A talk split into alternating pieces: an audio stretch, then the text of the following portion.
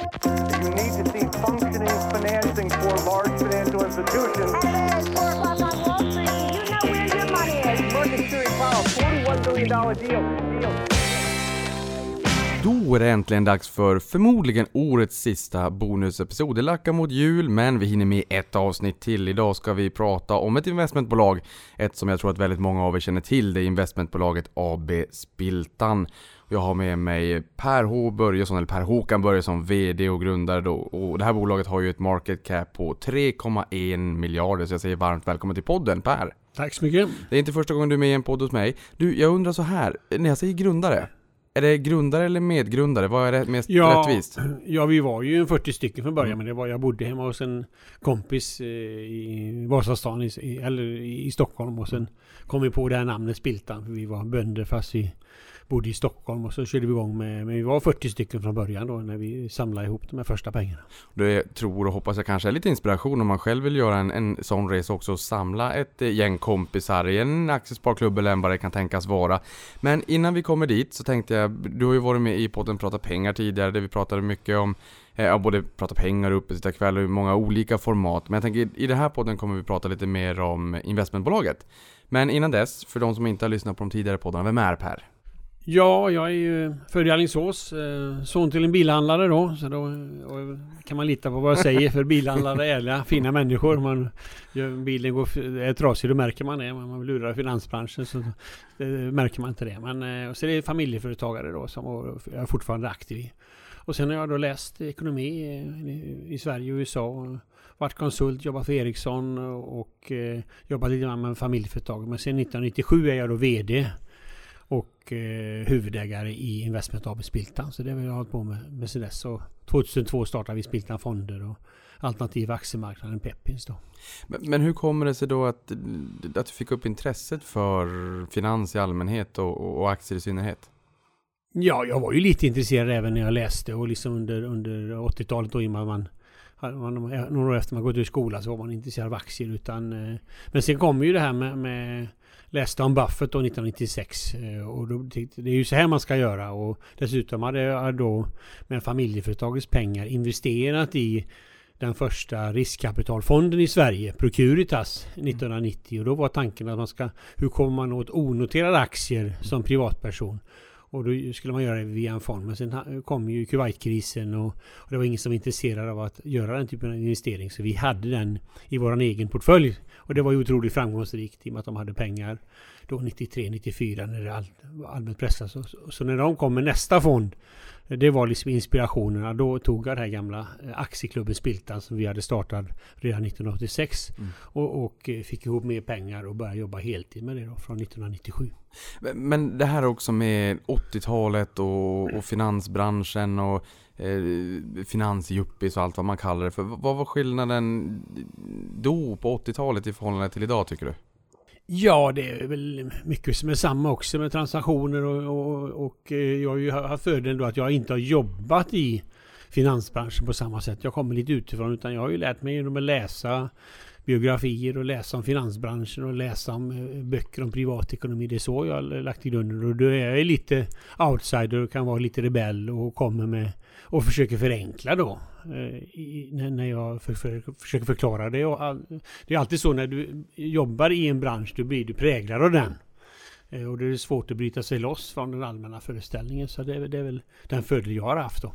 Ja, och du pratar ju om avgifter och sådär också. Dyra finansiella produkter och skalavgifter på sparande kan jag tänka mig. Och för, för mig fascineras jag över att du behöver inte lägga på mer än 0,6% som många storbanker har på kapitalförsäkringarna för att bränna bort flera hundratusentals, om inte miljontals kronor för någon som är glad och vill investera vid 20-årsåldern och investera en bra slant livet ut.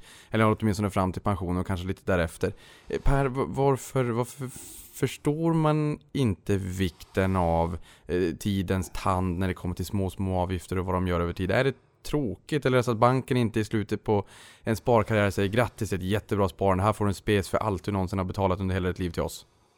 Ja, dels är det, du märker inte 10 000 blev 100 000, det kunde bli 300 000. Det är ju en sak. Och sen är det ju att man tar, tar betalt i procent av kapitalet då, som en ränta på ränta blir otroligt mycket. Och det tänker man inte på 0,6 procent, låter inte så, inte så mycket, men med ränta på ränta kan det ju vara då en stor del av slutresultatet. Och sen att man inte har jag brukar säga att man målar hus och man lägger takpannor och så man, det finns någon hantverkare som gör det bättre. Men när det gäller placeringar så är det faktiskt så att man genom att bara fatta ett beslut och inte göra någonting på 30-40 år, ja, då får du bättre resultat Mm. än, än eh, eh, din eh, finansiella eh, hjälpare så att säga. Ja, men Just det här med bilar är ju också ett bra exempel som du är in på där. Det spelar ingen roll om du är bilintresserad eller inte. För går bilen sönder då märker du det alldeles oavsett. Det är helt ofrånkomligt. Men vi, vi har varit in lite grann nu här på 86 och du tog tillbaka eh, Aktiesparklubben här 90-tal när det var lite jobbigt. Men, men gå hela vägen tillbaka. För de som inte alls känner till investmentbolaget AB Spiltan eller Spiltan Fonder som också är ett starkt varumärke som ingår i, i, i din koncern om man så säger. Berätta mer om Spiltan från dag noll.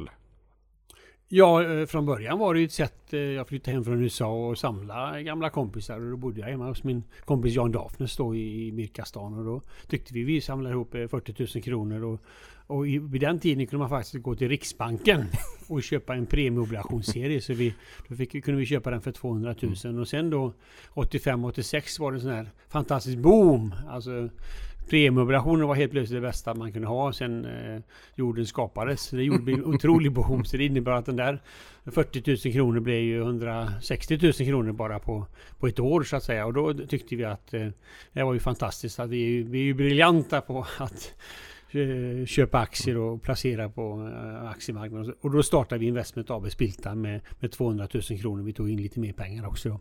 Och sen hade vi då två, två korta grupper och en lång grupp och vi, vi satt och placerade oss efter tre år när börsen hade gått upp under hela slutet på 80-talet. Då hade vi fortfarande samma eh, storlek på pengarna. Och det berodde just på att eh, vi hade köpt och sålt och vi hade gjort transaktioner och, och lärde oss då redan då att det var transaktioner, finansvärldens modersmjölk och, och, eh, och, och att man var för kortsiktig. Och det är just problemet. Jag brukar hade ett gäng killar från Linköping här som kom och hade, just en aktieklubb. Att det problemet med en aktieklubb är ju att eh, man samlas en gång i månaden och så ska man köpa och sälja någonting. Och det är klart att om rätt beslut är att köpa, behålla Investor, Industrivärden, Spiltan och Latour och så säga det varje gång man träffas i 20 år. Det klarar man inte av mentalt utan då kommer det andra briljanta idéer. Vi ska köpa ett nytt gruvbolag eller något annat bolag som man har hittat. Som man, så det, det är det svåra med det här. Att, och då menar jag att det är bättre att samlas och dricka vin och prata aktier och sen gå hem och göra egna placeringar.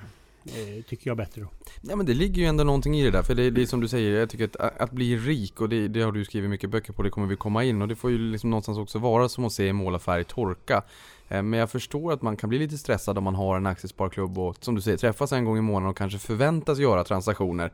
Um, Istället för bara äta och dricka gott och prata aktier istället och då eh, göra sina egna affärer. Um, Men, men för, för de som är lite nyfikna på att göra om det här, vad är, vad är dina bästa tips för att få till en sån här sammanslutning av människor? Om man är lite nyfiken, man sitter hemma i stugan och lyssnar på det här avsnittet och känner att det där skulle jag också vilja göra. Jag har ju ändå en par, tre, fyra vänner som jag tror skulle vara lite nyfikna och nog kan vi säkert få till lite fler.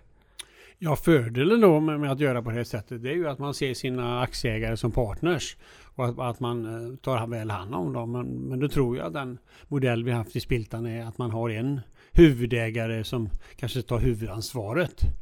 Eh, och, och då i fallet har, har jag ju nu kanske med styrelsens hjälp i Spiltan lärt oss att vi ska vara långsiktiga, vi köpa och behålla och ha den strategin. Och då är det klart att eh, då blir det inte riktigt gruppbeslut utan då blir det eh, mer att man kan ha många aktieägare men man ska ha nog ha en, en idé och ha en som har huvudansvaret för placeringar. Med, eh, kan- med kanske ett placeringsråd och det finns ju några andra som har gjort liknande som har kontaktat mig som håller på med det sättet och försöker bygga.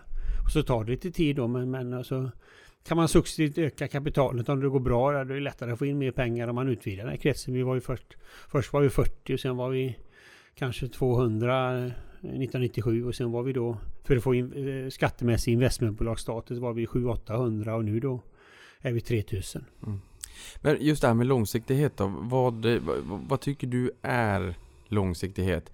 Jag menar om, om finansbranschen säger att har du en sparhorisont på fem år och kunden kanske säger ja och så tänker kunden tre månader till nästa Thailandsresa och så tänker rådgivarna ja men tre år kanske är bra även om de säger fem år. V- vad är riktigt långsiktigt? Ja, det är ju som Spiltan säger, vi säger att vi har ingen exit-strategi, vi har ingen...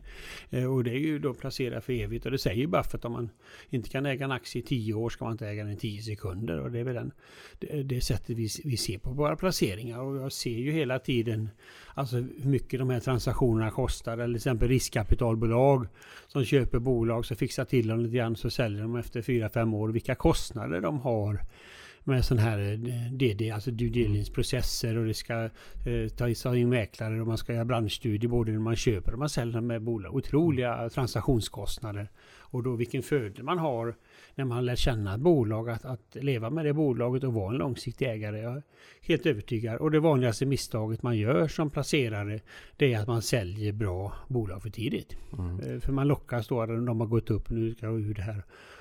Men då måste man hitta något annat som är ännu bättre, som det kanske inte alls är då. Ja, det är lite grann som att gå till en privatperson om man skulle eh, köpa och sälja väldigt mycket bostäder. Då betalar man ju väldigt mycket till fastighetsmäklaren. Samtidigt om man bara har en bostad så får man ligga, ligga exponerad mot bostadsmarknaden på vägen upp. För du, som du är in på här att courtaget är finansbranschens modersmjölk. Eh, Men vad är ett, för du pratar om fina bolag då. Och det, det här är en 10 000 kronors fråga och alltid lika intressant att ställa till alla. Vad, vad är fina bolag för dig? Ja, eh, när vi håller på med, med... Vad vi mest letar efter är ju nya onoterade bolag och vi tar ju minoritetsposter vilket innebär att vi är baksätet. Och nackdelen är, är ju då att vi inte kan belåna det här innehavet eh, och vi måste vara långsiktiga. För vi har, eh, och vi kan ja, till viss del påverka exit men normalt sett vill vi ju vara långsiktiga. Och då är det ju otroligt viktigt vem som är entreprenör och deras kompetens och kunnande, tidigare erfarenhet och, och att de är stabila människor. Som ofta måste man kanske ändra affärsidén. Så det är väl det allra viktigaste vi tittar på. Och sen är det klart att man ska skapa värde, och då är det ju tillväxt. Eh, och finns det några sådana här murar runt intäkterna eller på något sätt affärsmodellen som vi tycker om då eller på något sätt man, man får in intäkter eller, eller att eh, man säljer, till exempel på, på e-handel, att man kostar mindre att köpa kunden än- att Eh, man får in första gången man säljer en produkt. Det är väl lite grann de sakerna vi, tittar på. Men det är, och sen har vi ju eh, nu har vi i portföljen 5% tillväxtbolag där vi tar lite högre risker och kanske inte, de är, har säljer men kanske inte är lönsamma. Sen har vi, försöker vi då utvidga portföljen med, med stabila, lite mer lönsamma bolag som kanske inte har samma potential och även fastighetsbolag då som då kanske man med 90% sannolikt kan få 15-20% i avkastning. Medan de här tillväxtbolagen kanske, kanske ska ge 10 gånger pengarna. Men då gör du några helmissar och du kanske det är 20, 30 eller 50 procents chans att du lyckas med det. Alltså vi, men vi, vi har egentligen ganska bred portfölj, många bolag och eh, tycker att det är lite spännande att se, ha lite portföljtänk då i portföljen. Men skulle du vilja belåna vissa innehav för att få upp rentabiliteten räntabiliteten kanske lite grann? Eller skulle det kunna vara så att, man, att ni vill att bolagen eh, gerar sig lite, lite grann för att få upp räntabiliteten i bolagen ni har minoritetsposter i? Ja, några bolag har, har, ju, har ju lån och framförallt våra fastighetsbolag. Och som investmentbolag, eh, nu har vi kassa på 8% av portföljen men eh, det kan man ju fundera på för att ut, eh, liksom få in mer, mer pengar, att man ger ut något obligationslån och kanske eh, men jag tror inte man ska låna mer än 5-10% av totala portföljer som investmentbolag. Det är i någon gräns där och speciellt vi är ju så beroende av Paradox ett innehav som inte är så bra. Vi, vi, Belåna inte Paradox. Ännu det ännu, ännu högre exponering. Eh, det, det, det är ju en hög koncentration på Paradox, vi kommer att komma in på det alldeles strax. Det har ju varit en fenomenal resa. Ehm, men där kan man ju bara se på att vissa förvaltare på, eh, på stan, där har de ju no-go när det kommer till exempelvis huvudstaden. Fastighetsbolaget som äger de fina anrika eh, fastigheterna i, Stockholm som återfinns på monopolbrädet just för att räntabiliteten på egna kapitalet är lite för lågt för att man har för låg eh, belåning. Ehm, största innehavet är ju Paradox, 73,2%. Ehm, Spiltan Fonder 2,5% och sen Peppins Group 1,9%. Berätta mer om de här stora positionerna. Ja, eh, Paradox det var ju sin minoritetspost i ett onoterat bolag. Eh, vi, vi köpte 30% av bolaget då 2010 eh, var det väl och då var det ett bolag där man sålde boxar. Och det var ju stora förändringar. Dels att det skett att man nu laddar ner spelen digitalt och sen har man då små nischer. Man spelar historiska strategispel, man bygger städer till exempel. Och, och då kan man nå de här spelarna över hela världen. Och då så kommer hela tiden nya spelare och, och nya, nya tillägg till spelen. Som gör att man, att man då får fler spelare och man spelar hundratals timmar. Så då har man stabila intäkter. Och eh, får, får ökade intäkter när det, och så nya plattformar då, typ Xbox. Och sen kommer man ibland då med, i år har det kommer två nya spel och, och nästa år är det väl planerat två nya spel. Så det är ju Paradox då som, som och så noterar vi bolaget då 2016 och eh, ja, det är fortsatt resan uppåt i, på, på börsen då. Ja det får man ju säga och här kan vi också bara påminna om att eh, föregående då VD och grundare, nu arbetande styrelseordförande Fredrik Wester var ju med i podden så att lyssna på det avsnittet om ni vill lyssna in lite mer kring eh, Paradox. Eh, och där har vi ju sen Spiltan Fonder, Just det. också ett stort innehav. Berätta mer om dem. Eh, Ja, där har vi startat vi då 2002 med 10 miljoner och kanske hade 10 kunder från början. Det har ju varit också varit en fantastisk succé och det är ju tack vare att, att de har visat att efter våra avgifter kan man faktiskt slå index. Eh, och det, det är ju eh, gått jättebra. Nu är väl förvaltat kapital upp i nästan 55 miljarder och det är även på räntefonder, korträntefond och högräntefond.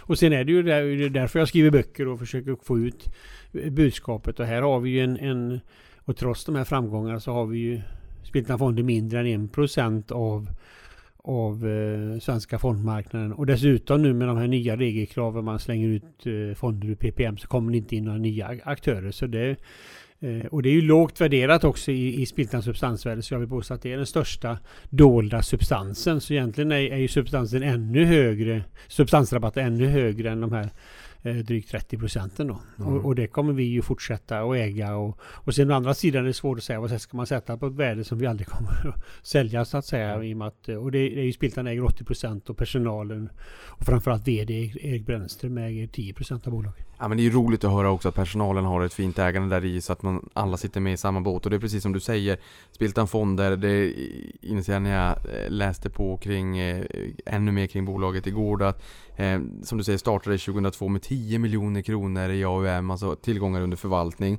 Fyra år senare så passerar ni 600 miljoner kronor och i fjol passerar ni 40 miljarder och nu så har du 55 miljarder. Bara 40 miljarder, det är 4000 gånger mer. Ni vann pris som Årets fondbolag, Årets småbolagsfond och läsarnas favorit. Kan du berätta lite mer om den här framgångssagan och vad som fick er att och från början starta det här fondbolaget? Ja, bakgrunden var ju att eh, när jag tog in pengar till Spiltan 1997, ja, då hade jag ju studerat finansbranschen och konstaterat, kan det verkligen stämma att man tar 2-3 procent varje år utan att skapa mervärde och börja skriva debattinlägg och och det var ju så jag motiverade vänner, bekanta och släktingar att satsa på mig då.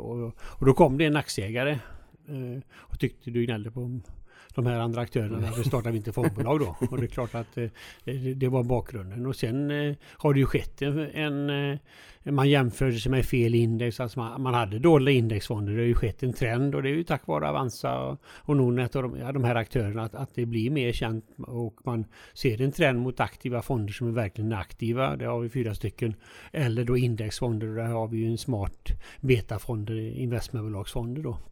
Så de trenderna har ökat hela tiden. Att det skrivits mer och mer och, och att det blivit mer känt att det här är viktigt. Men det är klart att det även fortfarande är det kanske bara 10% av svenska folket som är medvetna om det här. Utan de flesta är ju, har ju inte den här kompetensen och aldrig lärt sig i skolan om ränta på ränta. Så det är en jättestor marknad kvar att eh, bearbeta.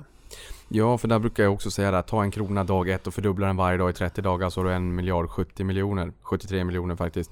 För att förstå den här enorma effekten av just ränta på ränta. Men då kan man säga att det här med Spiltan Fonder tillkom lite grann av eh, mindre snack och mer verkstad. Eftersom att de ville att du skulle göra det själv då, det gjorde du ju. Eller ni så att säga. Ja. Eh, Så att dels så klagade ni med all rätt på branschen. Men sen så startade ni ju det här fondbolaget som också haft en fantastisk resa från 2002 fram till idag då. Just det. Eh, Om vi tittar på substansvärdet, som man brukar säga är liksom det viktigaste när det kommer till investmentbolag, för det är ju det man kan påverka själv. Värderingen kan man ju inte riktigt påverka på börsen, till 100% i alla fall. Men just substansvärdet, det har ju stigit från 624 kronor 2007 till 10 472 kronor i fjol. Eh, och det är alltså en tillväxt på 32,6% om året. Nu såg jag här i år att den ligger på 14 609 nu så det har ju fortsatt i år också då. Eh, och sen 2005 har den ökat nästan 20 gånger så det har ju varit en, en fenomenal resa. Eh, berätta mer om resan från början, för Paradox har ju varit en stor del. Vi kan väl börja där, vad betalar ni för Paradox? Ja, det var bolagsvärde 30 miljoner, vi betalade ungefär 10 miljoner. Ni betalar 10 miljoner och idag är det väldigt många miljarder. Inte riktigt 20 miljarder man väl kommit upp med, men det, det är betydligt mer värt. Men, men, resten av resan då, om man justerar för Paradox, hur, hur har liksom substansvärdesresan varit från, ja, ta 2005 eller vilket år du än vill? Ja, det viktiga och anledningen, det är klart att den stora framgången är, är eh, Eh, är ju Paradox eh, som har kanske gett sedan 2010 har gett över 100% i årlig avkastning. Men, eh, och det viktiga också att komma ihåg det är ju att vi, vi satsade 10% av portföljen i, i Paradox. Vi gjorde ett stort bett på bolaget och nu när vi satsar 25 miljoner i ett nytt tillväxtbolag är det en halv procent av portföljen. Och vi gjorde ju ett bett år 2000 på ett bolag som heter i3 Micro. Då satsade vi också 10 procent mm. som inte blev så bra då. Så att, eh, eh, men, men samtidigt är det viktigt att se att resten av portföljen har ju också gått fantastiskt bra. Jag tror att det är 21-22 procent sedan 2010. Eh, och, och, där finns det också en dold potential till exempel i, i, i värdet på Spiltan-fonder. Så att, eh, men det har ju kommit lite grann i skymundan då tack vare att Paradox har gått så fantastiskt bra. Och det är ju potentialen för framtiden. Man måste ju gilla Paradox givetvis. Man ska köpa en Spiltan-aktie. Men samtidigt har vi, tycker jag, vi har eh, och gör nya spännande investeringar där vi, där vi är ensamma med entreprenören. Vi köper och behåller och, och har ingen exit-strategi som lockar entreprenörer. Så vi, vi kan göra affärer som, som ingen annan kommer åt. Och så på lång sikt tror jag att, att det kommer visa sig att det finns en mycket större potential i våra andra onoterade innehav som kanske inte marknaden inser idag. Mm. Och just det här med 21-22% det är ju en, en fenomenal avkastning. Det också får man faktiskt säga. Eh, jag tror att många av oss känner till Warren Buffett och i, i, i årsbrevet då till, till aktieägarna eller årsredovisningen så ser man ju här då att eh, avkastningen har varit 20,9% från 1965 fram till i fjol då 2017. Eh, och det har ju ändå genererat goda 2,4 miljoner procent i avkastning. Så att det gör enormt stor skillnad. 21-22% är ju det får man ju säga är världsklass. Så det har ju varit en, en fenomenal resa hittills i alla fall. Sen får vi hoppas att det också gäller för framtiden. Någonting annat Per, eh, årsstämman, det är ju en folkfest. Ni började i en trädgård på Lidingö, till cirkustält, till Kungliga Musikhögskolan och du har ridit in på kamel, spelat bedrövlig pianotrudelutt har jag skrivit, jag tyckte det var ganska fint ändå. Agerat trollkarl som trollade fram massa ränta på ränta effekt och eh, vad betyder Spiltan för dig? Ja, det är väl, eh, och det är väl lite kul just när man jämför med Buffett där att eh, Eh, när man, när man tar in vänner, bekanta och släktingar då, då ser man dem som partners. Eh, och det gjorde ju Buffett då när han började. Eh, och, och, vi har en eh, VD med låg lön och huvuddelen av avkastningen på att, att aktier stiger. Och sen och det är också naturligt att man har en trevlig årsstämma. Och, det har vi, och de här grejerna kom vi på innan vi lärde oss, eh, lärde, till, eller lärde hur det gick till på i Åman med Berkshire Hathaway. Och sen har vi försökt utveckla det ytterligare och har ännu trevliga årsstämmor. Så det är klart att... Eh, men Spiltan är ju, är, är ju min grej. Jag tycker det här är jättekul. Jag har inga planer på att gå i pension utan fortsätta och, och jobba med det här. Och sen är det ju... Eh, och, och, jättespännande och för, förhoppningsvis så blir man ju duktigare då bedöma entreprenörer men samtidigt nuvarande innehav är ju inte beroende av mig som, som Eh, som VD för Spiltan. Och till exempel Paradoxa. Här har vi ett jättebra team med våran eh, investment manager Håkan Sjunnesson som varit ordförande. Nu är han vice ordförande. Vi har ordförande Fredrik Wester och vi har en ny, ny VD med Ebba då som, som har varit med i styrelsen i fyra fem år. Så att det är ju de kan man säga plus styrelsen då som, som är de viktiga för Paradox. Om jag får en tegel i huvudet så kommer inte det på, påverka Paradox. Mm. Så därför tror jag ju absolut att Spiltan kan ha en bra framtid även, även utan mig eller om jag skulle hoppa av på något sätt. Mm. Men och just det här med hoppa av på något sätt. För då tänker jag mig att de som lyssnar funderar lite grann och kanske också tolkar det indirekt som att du kommer vara kvar i, i Spiltan tills dess att du i framtiden går ur tiden. Du kommer köra det här livet ut. Ja, sen vet man aldrig. Det är, när man blir äldre så händer det saker och man, man har sjukdomar och allting. Så det, det vet ju ingen av. Jag brukar säga att tiden är vår viktigaste resurs. Ja. Eh, så att, eh, eh, men jag har inga sådana planer. Det är bra, om du har hälsan med dig så kommer du också vara kvar på bolaget tolkar jag det som. Skönt. Eh, ni har ju en, ägarman, en ägarmanual också och skriver att Spiltan bygger på ett nätverk som är öppet för alla. Berätta mer om den här ägarmanualen och, och varför ni valde att upprätta en sån.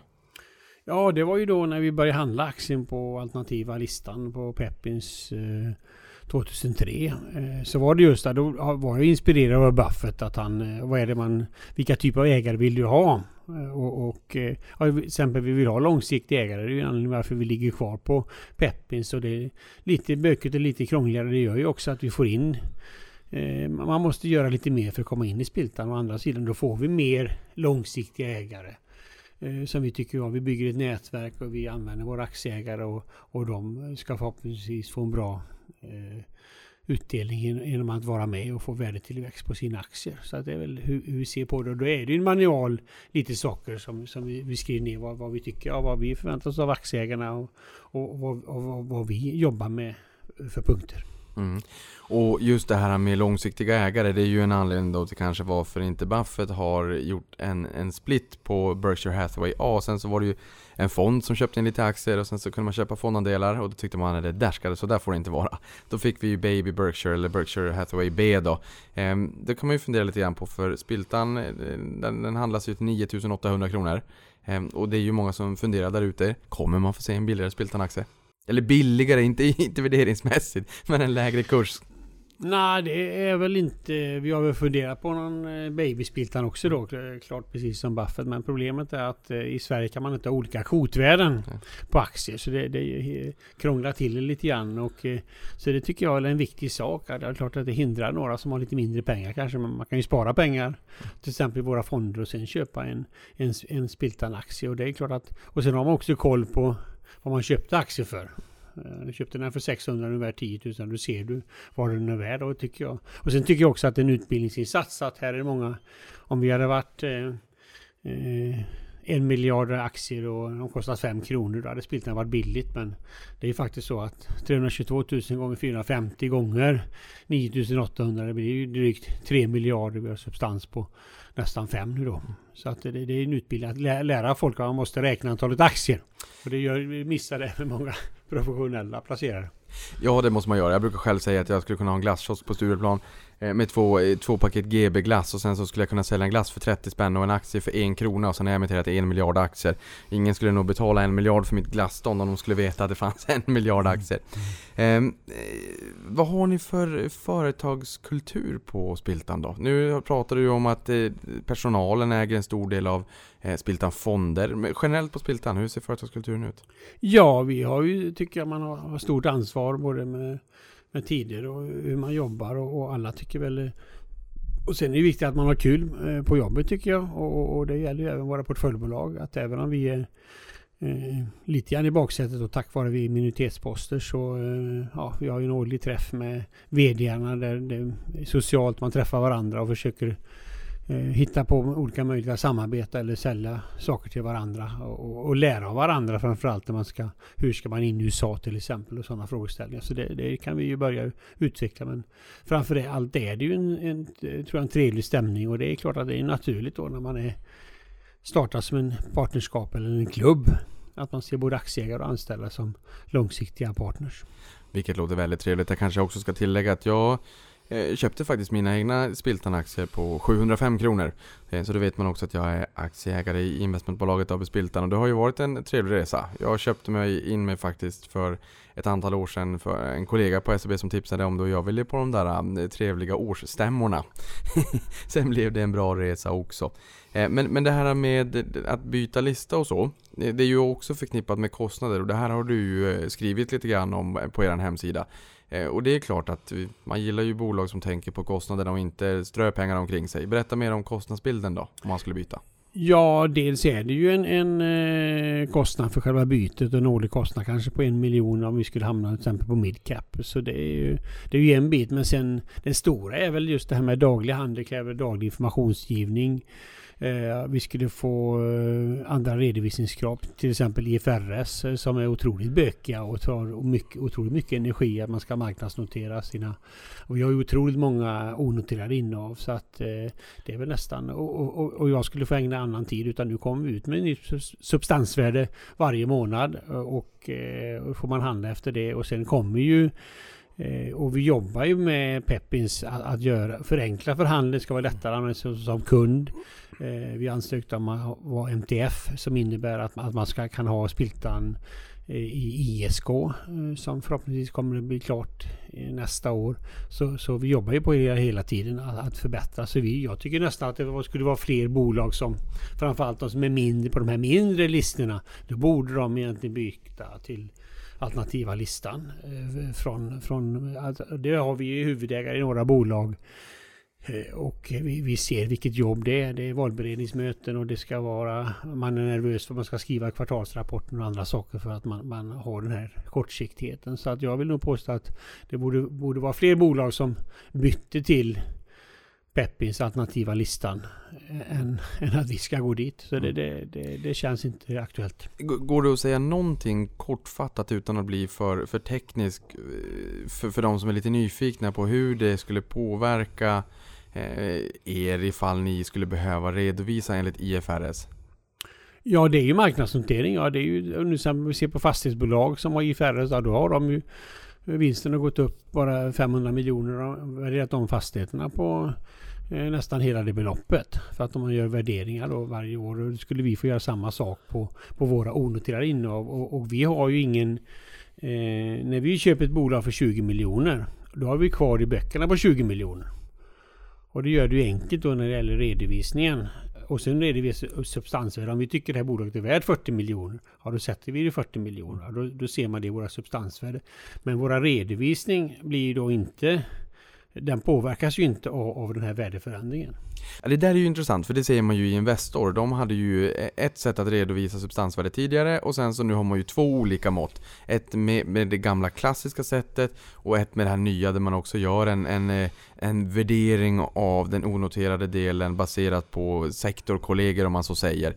Eh, och det här det syns i eran substans. Inte redovisar man i substansen då för vad de här faktiskt är värda. För jag tänker, eh, du pratade lite grann tidigare om att det borde finnas lite dolda värden. Typ Spiltan-fonden, men det skulle ni ju ändå inte sälja om ni äger 80%. Eh, men ändå, berätta lite mer om vad finns det för dolda värden tror du? I, i Spiltan för den som blir lite nyfiken när du säger sådär. Ja, vi redovisar då i varje årsredovisning eh, vilka bolag på de större innehaven. Vad har vi för, vad har vi för eh, bokfört värde? Vad är omsättningen? Vad är vinsten? Så det kan man göra en bedömning då.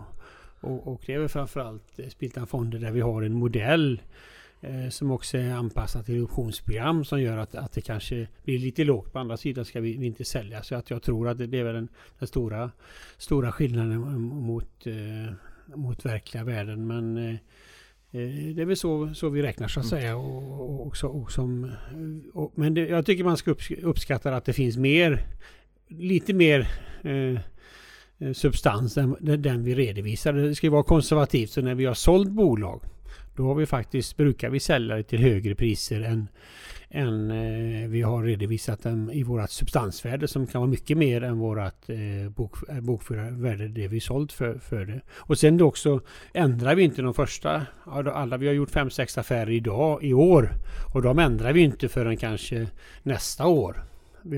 Om vi ser hur, hur går det här och Eh, går det åt, åt, eh, om det går åt fanders, då kan man, får man skriva ner det. Men liksom, vi, vi är ju konservativa när vi skriver upp värden mm. eller säger att substansen har ökat. Ja men det är bra att man är lite konservativ. Mm. Då, då finns det eh, en betryggande hängslen och livrem på nedsidan även om det ibland kan vara så att man måste skriva ner. Så är det ju här i världen. Men det, det låter betryggande. Om man ska handla i en aktie så är det via Peppins. Eh, berätta lite mer om eh, Peppins. För förut när jag köpte mina så var det ju alternativa och nu är det ju Peppins. För vi pratade om att det var eh, Paradox, Spiltan Fonder och Peppins som var stora innehav i investmentbolaget.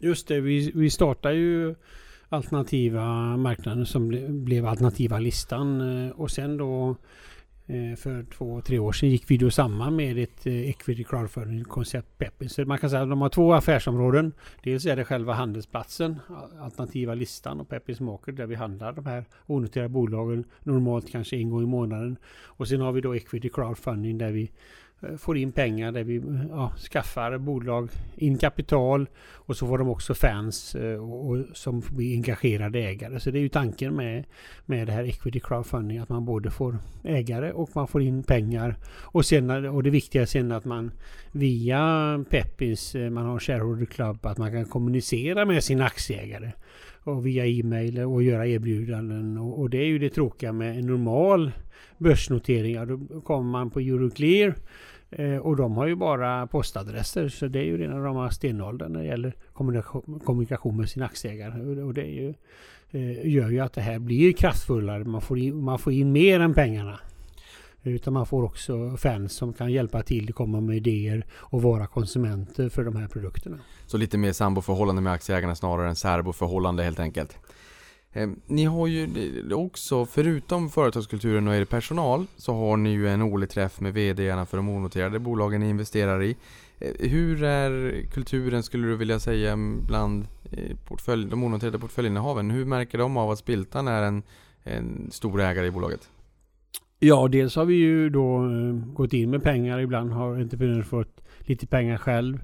Eh, och sen har vi då alltid en, en där vi äger då 30-40 procent eh, har vi en investment manager som är or, med i styrelsen, ordförande och jobbar mm, mm, med det. Och där anpassar vi lite grann till bolagets storlek och ibland har vi eh, en, mer eh, kanske nästan som en coach och i vissa fall är det mer kanske mer som en, som en vanlig styrelse. Så det, det är beroende helt på bolaget. Men vi är ju aktiva ägare i de här fallen. Vi äger 30-40 procent. Och sen Eh, och det är det som det är vår huvudsakliga påverkan. Och sen ibland kan vi komma med idéer och med, med kundkontakter och på olika sätt hjälpa bolagen att utvecklas. Och framförallt vi kanske har bolag som har gjort liknande resor.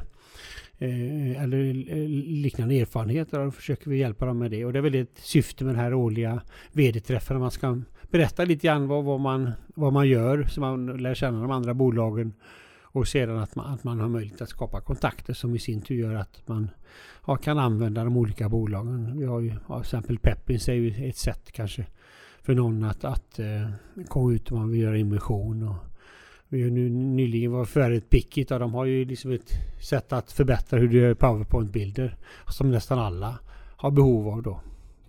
Ja, och Picket är en av de bolagen precis som ni har köpt in er i. Vi kommer komma in lite grann strax på de senaste förvärven ni har gjort och lite grann vad ett, ett spiltanmässigt bolag är för någonting. Men dessförinnan, låt oss prata om Paradox, största innehavet där. Eh, det är en hög koncentration, det här debatteras ganska flitigt från tid till annan. Eh, ni köpte in er först 2009 om jag förstått det hela rätt och köpte mer 2011. Eh, det har ju varit en solskenshistoria, du sa att er andel var 10 miljoner kronor. Ehm, men har det alltid varit självklart att följa med hela resan och vara med när de börsnoterades 2016 och fortfarande vara kvar även om ni har sålt en liten andel. Ehm, har det alltid under de här åren varit helt självklart att, att hänga med? Ja, i, i och med att vi säger det att vi inte har någon exit-strategi och vi köper för att behålla. Då måste vi ju även göra så. Ja, det, det, det låter våran, bra. Det, det är våran idé och då kan vi ju inte helt plötsligt sälja av posten. Så det är våran idé och att vi har sålt lite då vid både innan notering, vid noteringen, eh, gjorde en placing och även via marknaden lite grann. Så, att, eh, så det tycker jag är en, en, eh, viktigt att, att man har den och, och då ser ju andra entreprenörer att vi håller vad vi lovar. Ja, och det, det, blir ju den problematiken också om man har bördig jord. Att även om ni säljer av en liten bit så är, när det fortsätter växa vidare så då, då, växer ju koncentrationen, andel av portföljen till sig återigen. Och det har den gjort. Någon annan faktor som gjorde att det återigen växte till sig var att ni hade ett inlösenförfarande. Och de som inte löste in sina aktier, de som fortsatte vara aktieägare fick ju en allt större andel av, av eh, koncentrationen mot just eh, Paradox då. Men ni är ju, ni har som sagt hög koncentration eh, och ni är näst största ägare. Ni har 22,6% idag förstår jag. Eh, och efter bolagets ordförande och grundare Fredrik Wester då som är största ägare i det här bolaget. Eh, när börsen stängde i fredags, det här spelas in på en måndag, när det stängdes i fredags så var aktiekursen i Paradox 146 kronor. Det innebär att er andel då är värd 3 3, nästan 3,5 miljarder kronor. Eh, och hela investmentbolaget AB Spiltan värderas till 3,2 knappt miljarder kronor. Eh, och, så att, och dessutom så varje krona på aktiekursen i Paradox slår just nu en halv procentenhet på substansen. Eh, så jag funderar lite grann, jag menar, idag får du 9% rabatt på Paradox och allt annat på köpet. Vad beror det här på? Det, men det kan ju inte bara vara att ni är månadshandlade.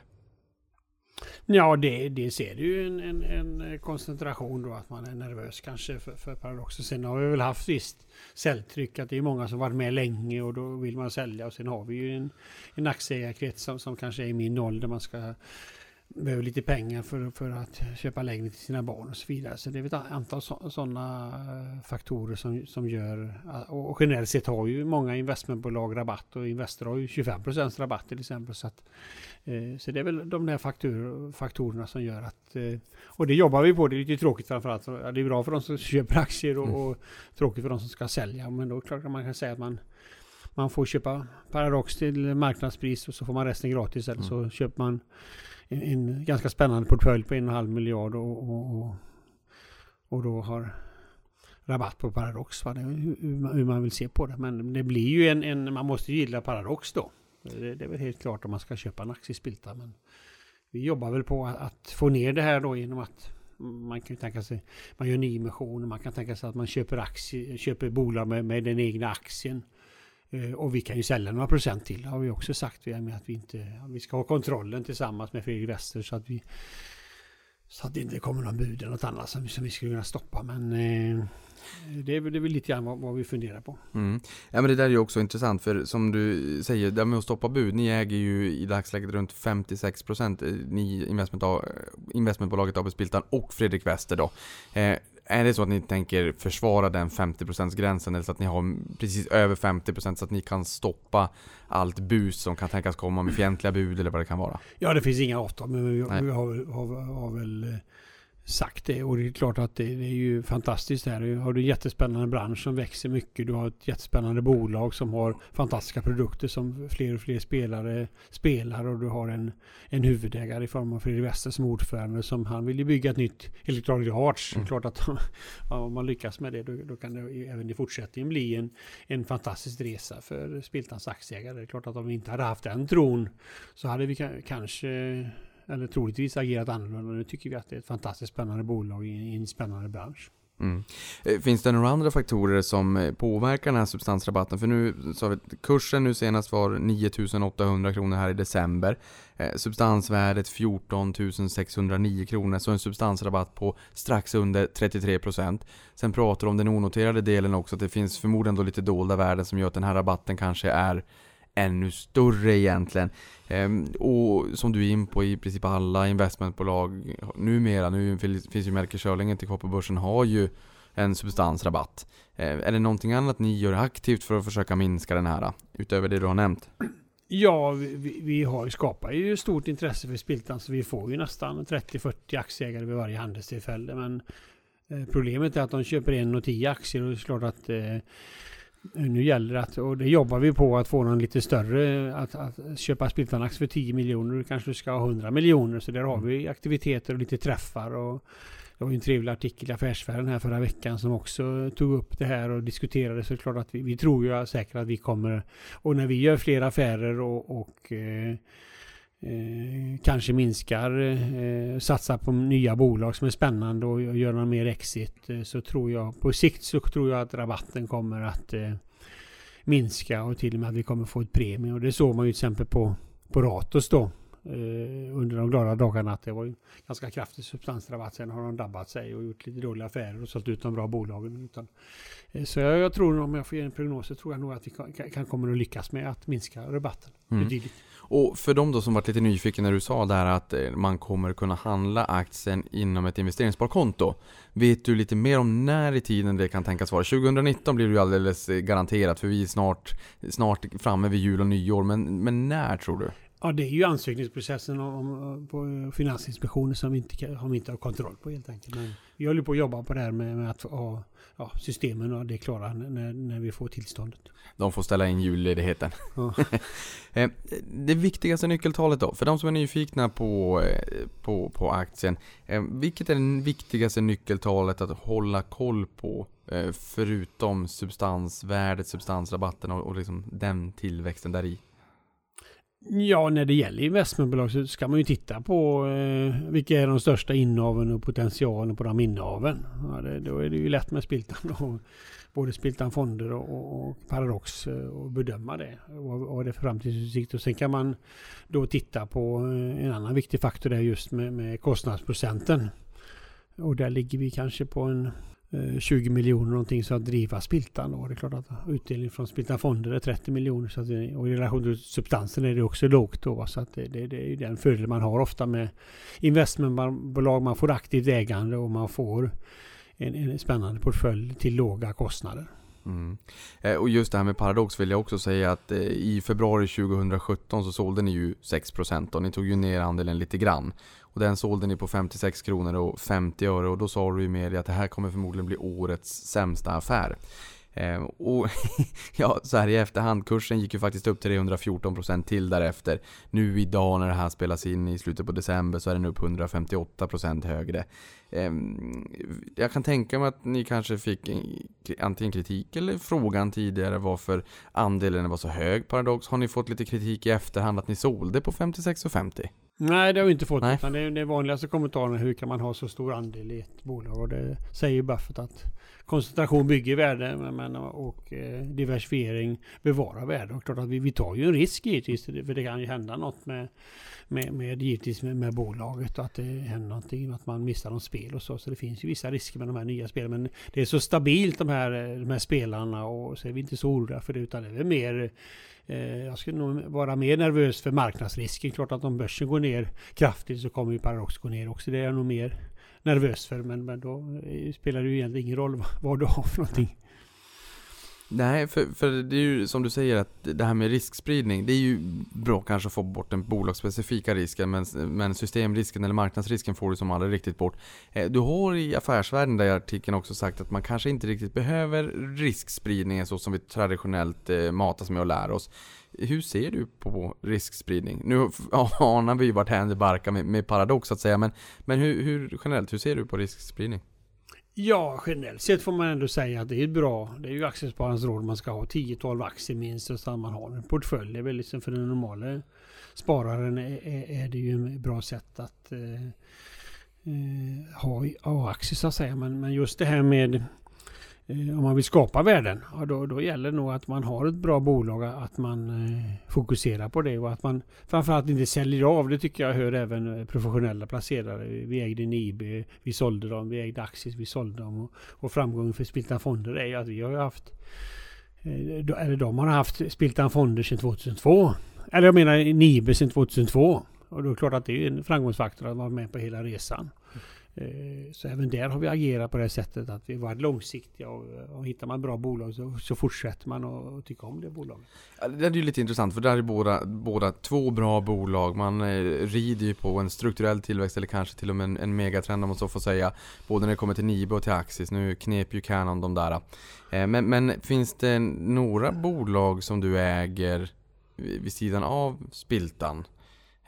Om det är så att du äger kanske sparar i fonderna i fondbolaget eller, eller har du en portfölj med aktier utöver det här bolaget?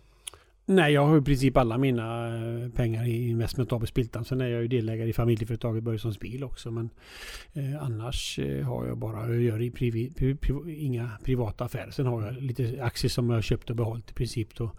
För att eventuellt kunna gå på årsstämmor då. Så det är väl min placeringsstrategi. Och sen har jag då hus och sommarhus. Eller lägenhet och sommarhus. Årsstämmorna gillar vi.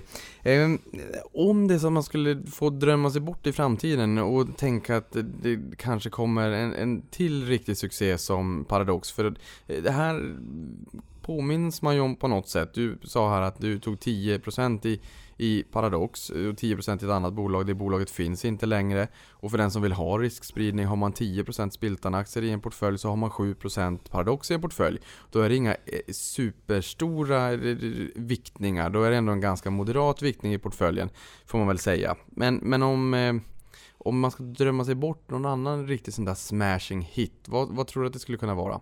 Det är såklart en svår fråga, men om du får spåna lite. Mm, ja, vi kan ju ha, vi har några bolag i portföljen som är sådana här, typ det här picket är spännande. Va? Det, det som kan vara sån här Born eh, Global va? Som, som kan bli, det blir en jättesuccé. Men då är ju problemet att om vi investerar en halv procent av portföljen, även om det tiodubblas, så då blir det fem procent av portföljen. Men, och jag tror ju mycket på att nu har vi ganska liten del av portföljen i den här typen av bolag. Men vi har ju ändå ja, kanske 20 procent i bolag som vi tycker med ganska stor sannolikhet kan ge 15-20 procent. Och det är klart att det är, det är inte så tråkigt om man kan få 15 procent. Ja, du vet att du dubblar pengarna var 50 år. Och vad är det för tråkigt med det? Och, och det ska ju ge den stabiliteten kanske som, som vi hoppas på och att substansvärdet ska öka.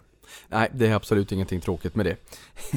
ni, ni, har förutom eh, de noterade innehaven så har ni även onoterade innehav. Vi har varit in på Spiltan Fonder, vi har varit in på Peppins Group, eh, sen har ni ju Cool Stuff Kuststaden hade ni ett fastighetsbolag, där gjorde ni affär med SBB. SBB har ni eh, i portföljen lite grann. För den som är nyfiken på SBB så kan ni lyssna på det bonusavsnittet. Ilja Battlian var med här eh, för en tid sedan.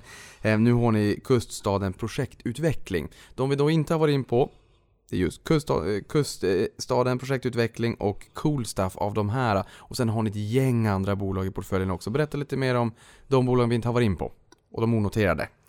Ja, cool stuff. Det är ju tuffa prylar på nätet. Så det är ju aktuellt nu till jultider så de säljer huvuddelen. Eh, och det är just eh, att man hit, försöker hitta prylar som inte finns någon annanstans. Och, och sen då har man, eh, är man aktiv och försöker få in de här kunderna. Man söker på present eller tuff pryl. Och sen har man ju verksamhet i runt om i, i norra Skandinavien och i Tyskland. Och, och försöker nu även bygga upp egna varumärken, till exempel inom kök och Kitchen Pro, där man då kan vara, vara unika. Så det är ett bolag som omsätter 200 miljoner och tjänar 8 miljoner varit med ett antal år. Och två grundare som, som är ett par som, som tycker det är jättekul och vill fortsätta jobba med det. Eh, Kustan projektutveckling, det var ju när vi gjorde affären med, med SBB och då behöll de ursprungliga ägarna eh, några projektfastigheter.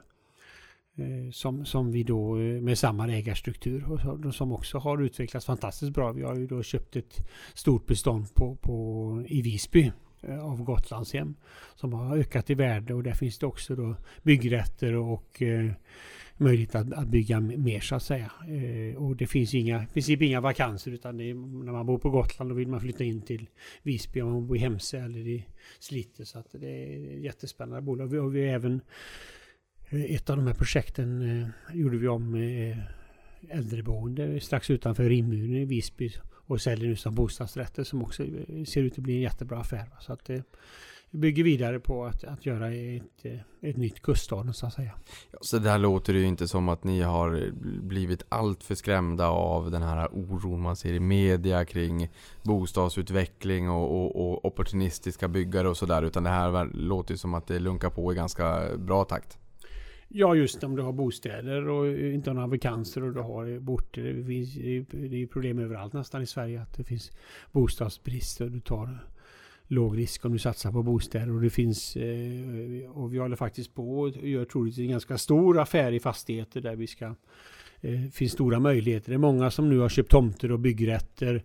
Har lånat pengar till 8 ränta och så blir det förseningar och de kan inte dra igång där. Så vi, vi tror att det finns kommer finnas mycket stora möjligheter in, inom fastighetsbranschen närmaste åren. Men tänker du då inom kuststaden projektutveckling eller inom Investment AB, AB Ja, Investment AB Spiltan. Vi tittar även på ah. andra, andra fastighetsbolag. Så att, för ni investerar ju lite grann i allt möjligt som ni tycker är spännande. Det finns ingen, eh, ja, förutom att det är gaming som är en stor koncentration, så har det ju blivit. Eh, men skulle man då kunna ana att det, kan, att det blir lite mer fastigheter framåt och att ni nyttjar ett läge nu som kan dyka upp på marknaden om det blir lite jobbigt? Ja, det är mm. troligt. Mm. Spännande.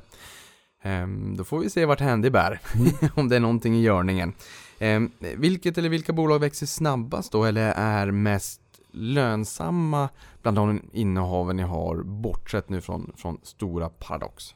Ja, det är väl Spiltan Fonder som har den högsta lönsamheten. i- För när du har ökar volymerna och du har... eh, Sen ökar ju kostnaderna med regelverk och personal och sådär. Men, men det är väl det som jag tror är, är, är mest eh, lönsamt. Och sen finns det ett antal bolag som har stor eh, potential. Vi har till exempel ett annat eh, spännande bolag som heter Novair eh, som har en liten, gjort en liten, en liten attrapp som man sätter in en sån här, en, ett filter som man blåser i.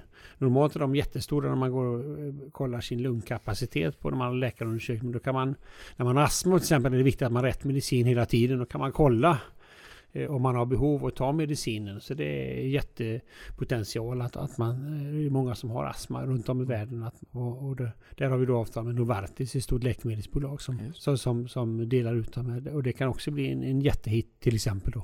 Förutom noterade och eh, onoterade innehav så har ni ju faktiskt investerat en del i film också. Ehm, bland annat i Jönssonligan år 2000 och Grabben i graven bredvid 2002, även Millenniumfilmerna. Ehm, eller exempelvis 100-åringen i närtid. Där kommer ihåg att det tog sex timmar för dem att sminka sig varje gång, Robert Gustafsson. Ehm, berätta mer om de här filminvesteringarna. Ja, det var en liten slump. Vi finns ju på Östermalm och där fanns det något som heter Spiltanligan eh, på 50-talet. Och då, skulle man göra en film om det och då Eh, fick jag kontakt med någon som höll på med det här projektet och sa jag att vi kunde vara spännande att vara med på det. Och, då, då, och på det sättet blev vi, gick vi med i Jön- Jönssonligan spela högt. Och när andra riskkapitalister förlorar pengar på internetbolag så satsade vi pengar på Jönssonligan och, och fick tillbaks pengarna. Sen kom grabben i graven och, och sen har vi nu ett gäng då på fyra personer som, som kan det här med filmer och har faktiskt fått, har ju snart 20 års erfarenhet av att investera i filmer. Och där har vi, och då bildar man ett enkelt bolag varje gång för varje film och så blir det ofta när budgeten ska slut förhandlas så att det blir några miljoner kvar och då tar man poster på 50-100 000 kronor så där har vi 300-400 eh, investerare som, som eh, investerar i de här filmerna och det har ju gått eh, ja, fantastiskt bra. Va? Det är framförallt Millennium är väl den stora succén och de här andra filmerna du nämnde också fått tillbaka två, tre men i några fall har man inte fått tillbaka pengarna. Mm. Och det är ju det svåra med det att det, är så svårt. Vad är det som gör att en film slår? Så att säga. Det vet man först när den kommer ut på bio och folk börjar prata om den. Men sen finns det ju andra fördelar. Man får gå på galapremiär och man får vara statist och man, så här är lite grann investera både med, med hjärta och, och, och hjärna då. Mm. Har du varit eller skulle du vilja vara statist i någon av de här filmerna?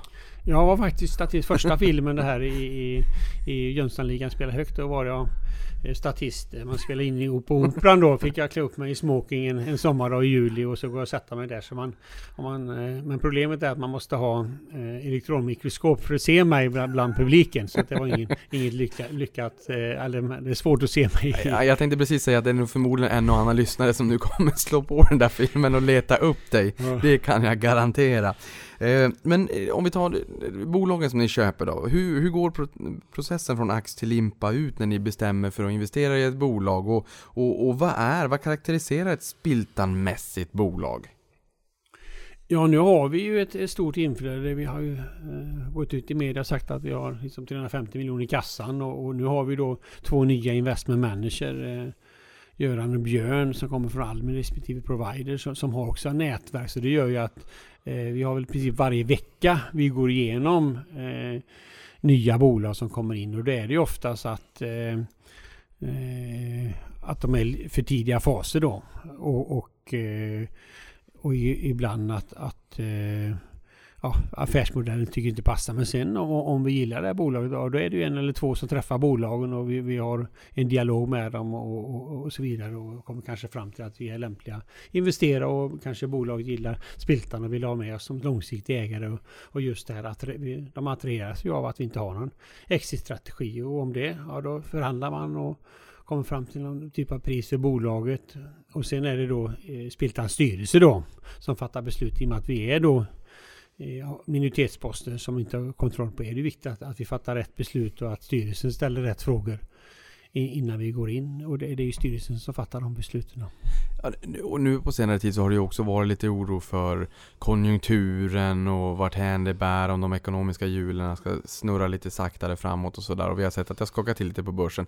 Eh, hur har, om de nu har, eh, prislapparna på bolag där ute i onoterade världen eh, utvecklats? Ja, det kan man nog säga att priserna har gått ner och, och eh, det var väl ett och ett halvt år sedan. Det var alldeles hysteriskt. Utan, eh, men samtidigt, är, och det är ju också utmaningen klart att när man köper i tidiga faser det är ju att man köper på förväntningar och sen kanske man ska försöka sälja bolaget då eller andra aktörer som inte Spiltan då. Man säljer på riktiga siffror så att eh, eh, Men det är ofta att man, när man inte har någon, någon statistik, någon historik och då blir det ofta hyfsade eller stor, höga värderingar.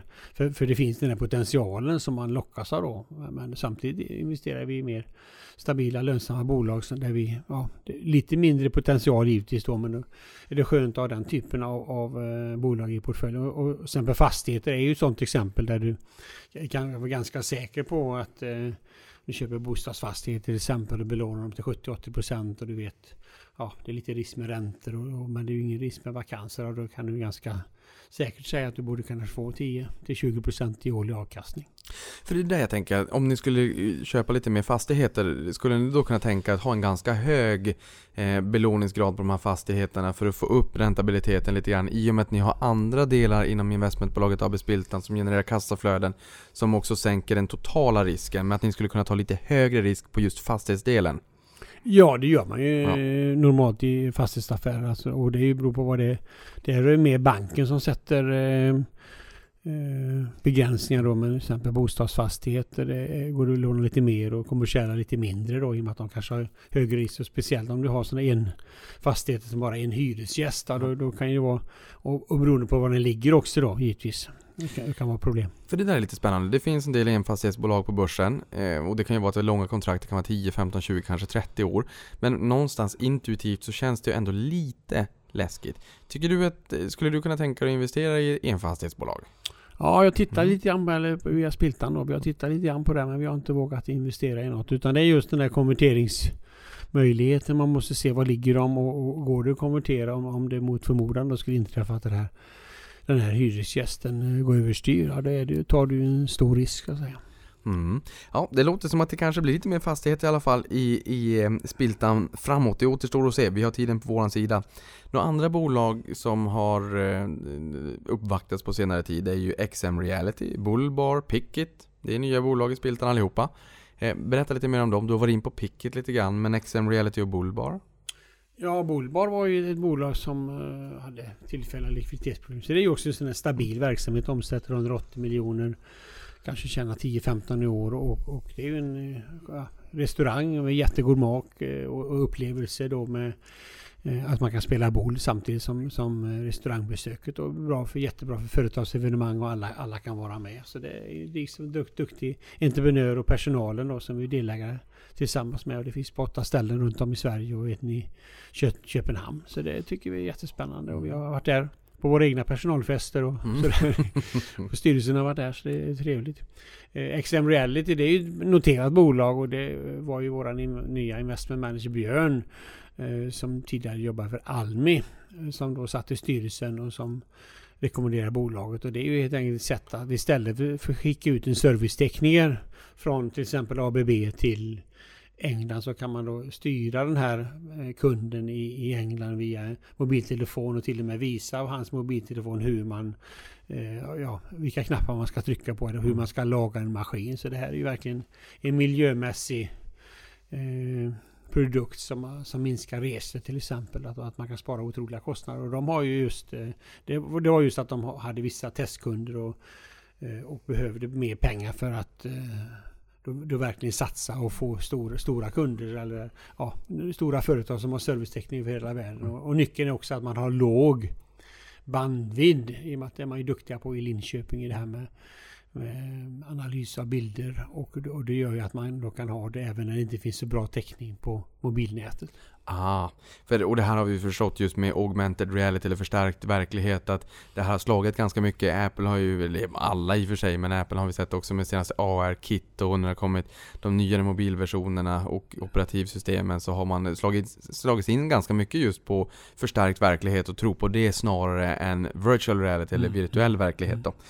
Eh, spännande. Du som är på en del stämmor, du har ju också ja, dels din egen stämma eller folkfest om man så får kalla det, så har du ju lite aktier i portföljen också för att kunna gå på stämmor. Är det någonting som du vet att många gillar där så är det den garanterade avkastningen. Det är lite mat och det är lite fika och sådär.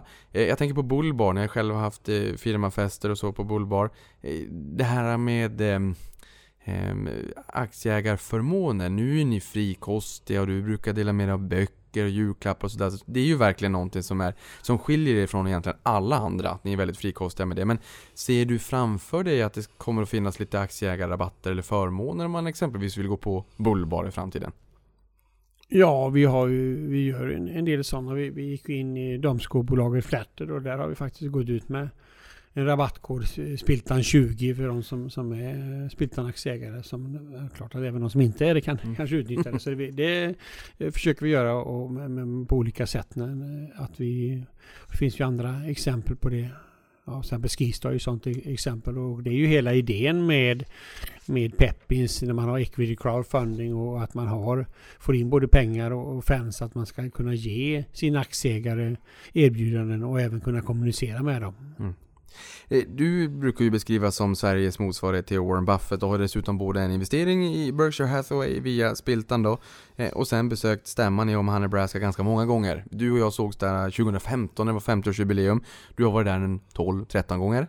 Ehm, vad, vad tar du med dig därifrån? Ja, det är väl det här med grunden till all inlärning är repetition. Va? Man behöver en liten Buffett-injektion varje år för att... Eh, och det, och det är det svåra med de här enkla sunda principerna. Köpa, behålla, vara långsiktig och, och ha ärliga människor så att man, att man verkligen har, har karaktären mm.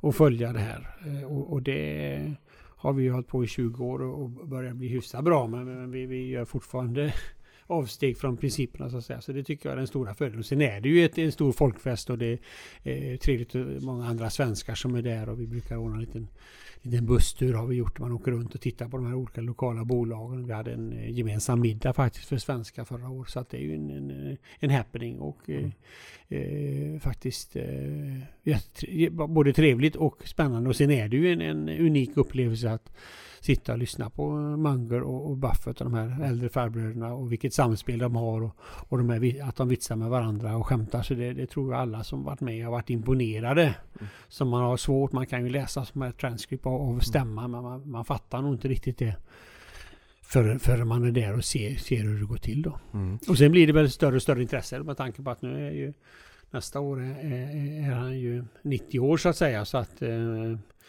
Eh, någon, någon, någon, gång så är det slut för honom så att säga. Då klarar det nästan så det blir mer och mer folk faktiskt varje, ja. varje år. Ja man vill ju ta, del av visdomen och ha varit mm. där och upplevt det mm. innan. Det var precis så jag kände 2015 också och nu har ju Yahoo Finance några år tillbaka börjat eh, sända den här stämman. Men det går ju ändå inte riktigt upp emot att faktiskt se det i verkligheten. Eh, Allting är roligt har sitt slut. Det, podden lider mot sitt slut. Tiden går väldigt fort när man har roligt. Men eh, Per, du har ju skrivit ett flertal böcker om hur man kan bli miljonär. Eh, och att, hur enkelt det faktiskt är om man bara låter det ta lite tid. Eh, vad, vad, är ditt bästa tips för de som vill starta sitt sparande idag och drömmer om att bli just miljonär? Ja, det är väl att spara, eh, just börja tidigt och så sätta av ett belopp. Eh, och lägga det i aktiemarknaden varje månad.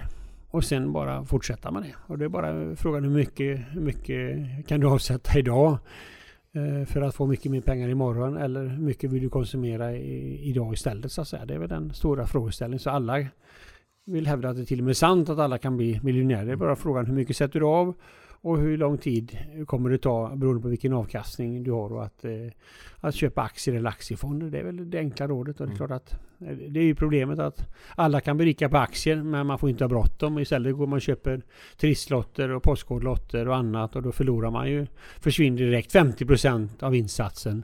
Och det, jag tror att det var, var det 340 miljonärer som Svenska Spel hade på trisslotter på ett år. Va? Men, men om, om du gör på, på det här sättet så är du säker på miljonär. Du vet inte när du blir miljonär. Nej, och det där är just, jag vet att vinstplanen för den vanliga traditionella trisslotten 30 kronor, det är 2 miljoner vinster, en på en miljon, en på 2,6 tror jag. Eh, på 2 miljoner lotter, så man kan säga det är en på miljonen. På börsen, precis som du brukar prata om, så kan ju faktiskt alla bli miljonärer. Sparar man 5000 i månaden i, i 11 år till 7% avkastning, då har man första miljonen där. Eh, och sen beror det ju på hur lång tid det tar, vad man får för avkastning såklart och hur mycket man kan spara varje månad. Men alla kan ju faktiskt, jag gillar det Per. Och det är ju, du, du påpekar ju och påminner ju om det där och har förmodligen gjort att väldigt många människor har klivit över den gränsen också. Eh, någonting, böcker också, förutom dina egna böcker så blev du ju frälst vid 41 års ålder när du läste boken Buffett, The Making of an American Capitalist. Vad var det du fastnade för i den boken och har du några andra böcker att rekommendera så här i, i juletider?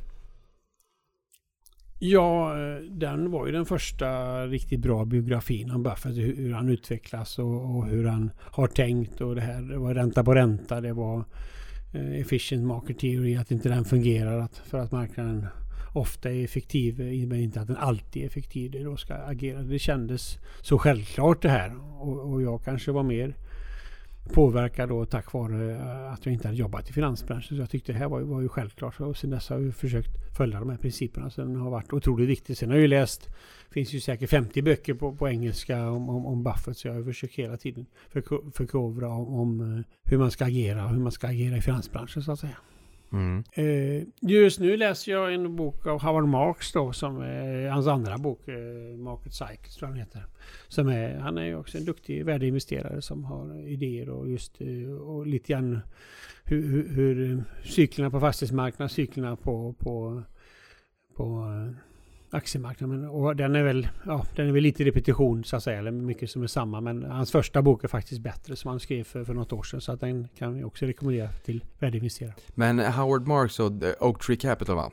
Just det. det. där, den är ju lite mer en doldis får man väl kanske säga. Men det där är ju en, det där är ju en bok som man ofta brukar höra rekommenderas. Och det är ju kul att du också tycker att den är bra. Men att första boken om man, om man ska köpa någon så är första den du rekommenderar mest. Mm. Eh, per, Stort tack för att du kom till podden och i och med att det är bara några dagar kvar till julafton så vill jag bara passa på att säga god jul och gott nytt år och stort tack för att du kom hit. Tack detsamma.